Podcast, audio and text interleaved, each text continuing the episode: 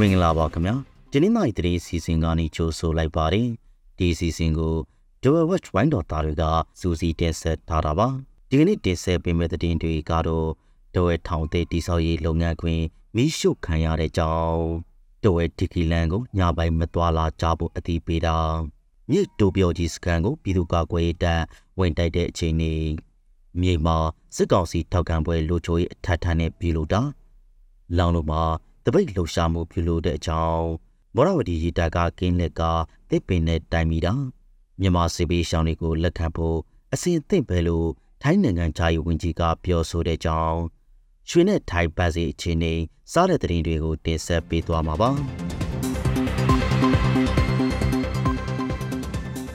ဒဝဲချင်းထောင်တဲ့တိစောရေးလုပ်ငန်းခွင်ကိုဒီဇင်ဘာလ3ရက်နေ့နေ့ပိုင်းကမိရှုခံခဲ့ရပါတယ်။အဲ့ဒီဒဝဲထောင်အစ်စ်ကို တဝဲမြို့နယ်စည်းကြားရွာရဲ့အရှိဘဲကာလာမနဲ့ယထာလမ်းကြားမှာဆောက်လုပ်နေတာပါပြည်သူ့ကာကွယ်ရေးတပ်ဖွဲ့ဝင်တွေကမီရှိုလိုက်တာဖြစ်ပါတယ်ဘယ်ဟိုတစီနဲ့အလုံသမားအဆောင်တွေကိုလည်းမီရှိုခဲ့ပါသေးတယ်ကျဲထောင်တဲ့ဆောက်လုပ်ရေးလုပ်ငန်းခွင်ကအလုံသမားတွေထွက်ပြေးသွားကြပါတယ်ဒီဖြစ်စဉ်ဖြစ်ပွားပြီးတဲ့နောက်မှာတော့မောင်မဲရှောင်းဇီးကြရွာတွေမှာဒီဇင်ဘာလ3ရက်နေ့မွန်ဒယ်ဘိုက်တီအတော်လာမရှိညိတဲ့နေပါတယ်စစ်ကောင်စီတပ်ကလည်း ဖျားမဲစစ်စီကေမှာအင်အားဖြစ်တည်ထားတယ်လို့ဆိုပါတယ်။တဝဲတီကီလန်ဘိုက်ကိုမတော်လာကြဖို့ကိုတူးလီတမ်ဘရောကသတိပေးထုတ်ပြန်ထားပါတယ်။ဒီဇင်ဘာလ3ရက်နေ့ကနေ9ရက်နေ့ထိည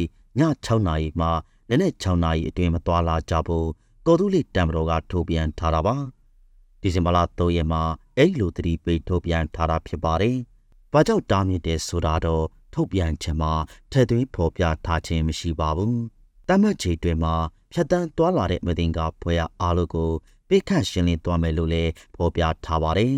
။သူတို့ထုတ်ပြန်ထားတဲ့အချက်တွေကိုမလိုက်နာလို့ဖြစ်လာမယ်နောက်ဆက်တွဲဖြစ်စဉ်ထိခိုက်မှုတွေကိုတာဝန်ယူမှာဖို့ဘူးလို့လည်းဆိုထားပါတယ်။မြေမြုံနဲ့တိုးပြောကြီးကြေးရွာကစစ်ကောင်စီစခန်းကိုပြည်သူ့ကာကွယ်ရေးအဖွဲ့တွေကတိုက်ခိုက်ခဲ့ပါတယ်။ ဒီဇင်ဘာလ2ရက်နေ့မှာဝင်ရောက်တိုက်ခိုက်ခဲ့တာပါအဲ့ဒီစခန်းမှာပြည်စော်တီနဲ့စစ်ကောင်စီတပ်တွေပူးပေါင်းပြီးစကန်ချနေကြတာဖြစ်ပါတယ်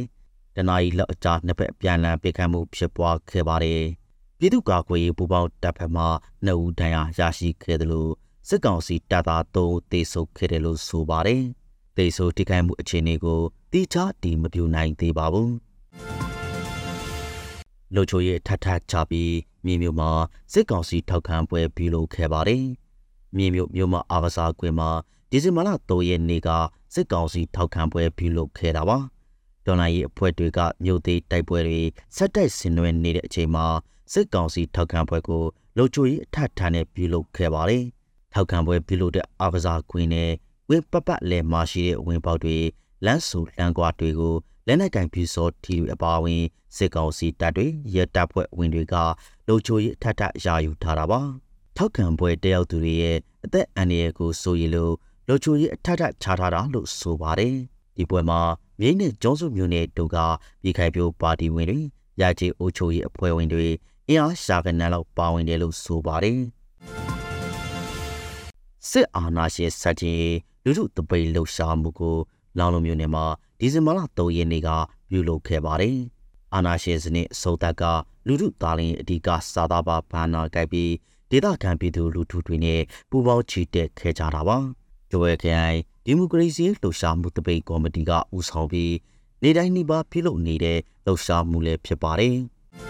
။မော်ရဝတီရေတပ်ကကင်းလက်ကားတစ်စီးတစ်ပင်နဲ့တိုင်ပြီးခဲ့ပါတယ်။ဒီဇင်ဘာလ3ရက်နေ့မနေ့ပိုင်းကရေဖြူမျိုးနဲ့ ကံပေါရွာတိမင်္ဂလာရုပ်ကွက်မှာတိုင်မိခဲ့တာပါစစ်ကောင်စီတပ်သားတူတန်ရာရသွားတယ်လို့ဆိုပါတယ်တန်ရာရတဲ့တပ်သားကိုဆေးရုံကိုပို့ဖို့လဲဆောင်လာခဲ့ရာကံပေါစီအနီမှာလမ်းပိတ်နေလို့စစ်ကောင်စီတပ်သားတွေကရင်မောင်းတွေကိုဆဲဆူကြေးမောင်းခဲ့ကြပါသေးတယ်ဒီဖြစ်စဉ်ပြီးနောက်တနေ့မှာတော့ရဲတပ်ဖွဲ့ဝင်တွေရောက်လာပြီးကံပေါစီအနီတဝိုင်းမှာရေကြောရှင်းတာတွေလှုံ့ဆော်ခဲ့ပါတယ် မြန်မာနိုင်ငံဖက်ကနေထွက်ပြေးလာတဲ့စေရှောင်းတွေကိုထိုင်းနိုင်ငံကလက်ခံမယ်လို့ပြောဆိုလိုက်ပါတယ်။လက်တလောပုံမှုပြင်ထန်လာတဲ့စစ်ပွဲတွေကြောင့်ထွက်ပြေးတေးရှောင်လာမဲ့ဒုက္ခသည်တွေကိုလက်ခံရအစဉ်အသင့်ရှိတယ်လို့ထိုင်းနိုင်ငံခြားရေးဝန်ကြီးကပြောဆိုလိုက်တာပါ။ဒုက္ခသည်တွေကိုလက်ခံဖို့နေဆက်တစ်လျှောက်မှာယာယီစေဘေးရှောက်ခိုလိုရေးစခန်းတွေတိဆောက်ပေးရန်ထိုင်းဘက်ကအသိရှိတယ်လို့လည်းပြောဆိုခဲ့ပါတယ်။ဒီဇင်ဘာလ3ရက်နေ့ကအဲ့ဒီလိုပြောဆိုခဲ့တာပါ။ မြန်မာနိုင်ငံတဲ့တိုက်ခိုက်မှုအလုံးရန်တပ်ဖို့တိုက်ဆိုင်ရာအဖွဲ့အစည်းအလုံးအမြန်ဆုံးပြန်လည်တွေ့ဆုံညီနိုင်ကြဖို့ကိုလည်းဝန်ကြီးကတိုက်တွန်းပြောဆိုခဲ့ပါသေးတယ်။ဒီဇင်ဘာလ2ရက်နေ့ကမြဝတီနယ်စပ်အနီးမှာစစ်ကောင်စီတပ်နဲ့တိုင်းသားလက်နက်ကိုင်တို့တိုက်ပွဲဖြစ်ပွားပြီးကိုစီစင်မှုတွေရပ်တန့်ခဲ့ပါတယ်။အဲ့ဒီဖြစ်စဉ်ပြီးမှထိုင်ဘက်က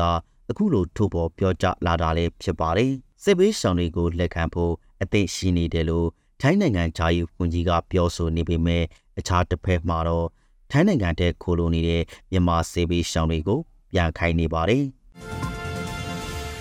နောက်ဆုံးတစ်ပုတ်အနေနဲ့ရွှေနဲ့ပါစီချင်းတွေကိုတင်ပြပေးသွားမှာပါ။ဒီနေ့မှာတော့အခောက်ရွှေတကြသားကိုကြာ3500ကျပ်စီတက်လာပါတယ်။တဝဲရွှေစီဝဲမှာအခောက်ရွှေတကြသားကို36သိန်း9000ကျန်တဲ့ဈေးဖွင့်ထားပါတယ်။ထိုင်းဘတ်စီလည်းတင်နေပါတယ်။ မြန်မာငွေတစ်သိန်းကို1040ဘတ်ပေါက်ဈေးရှိနေတာပါ။ခုလိုနားဆင်ပေးခဲ့တဲ့အတွက်ကျေးဇူးအထူးတင်ရှိပါတယ်။မြန်မာနိုင်ငံသားများကပ်ပြီးပေါက်ကနေမြတ်ဆိုးလွတ်မြောက်နိုင်ပါစေလို့ဂျိုဝဲဝက်ဝိုင်းတော်သားတွေကစုမောကောက်တောင်းအပ်ပါတယ်ခင်ဗျာ။